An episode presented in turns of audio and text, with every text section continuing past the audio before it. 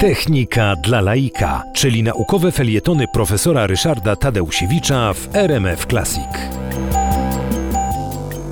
Ilość krwi dostarczana do narządów w jednostce czasu y, powinna zaspokajać potrzeby, to znaczy powinna dostarczać wystarczającą ilość i tlenu niesionego przez krew i y, glukozy, która jest potrzebna do tego, żeby wytwarzać energię i również innych środków odżywczych. Okazuje się, że wielkość pracy, którą musi wykonać serce jest zależna od y, drugiej potęgi rozmiaru. Mówimy, że do kwadratu rozmiaru rośnie zapotrzebowanie zapotrzebowanie na energię, a to zapotrzebowanie na energię i tlen przekłada się na ilość krwi, która musi zostać dostarczona do mięśni.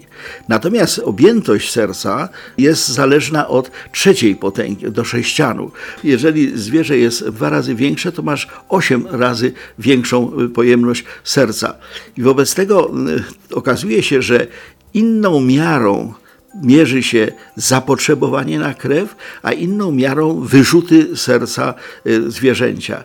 I okazuje się, że im zwierzę jest większe, tym może mieć wolniejsze tętno, dlatego że ilość skurczów serca na to, żeby wyprodukować wystarczającą ilość strumienia krwi do mięśni, może być mniejsza, bo to serce rośnie szybciej, a zapotrzebowanie rośnie wolniej.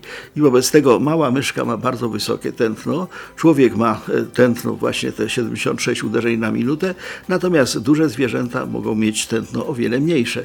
I to jest uzasadnione właśnie między innymi modelem, modelem pracy serca, jednym z wielu modeli biocybernetycznych.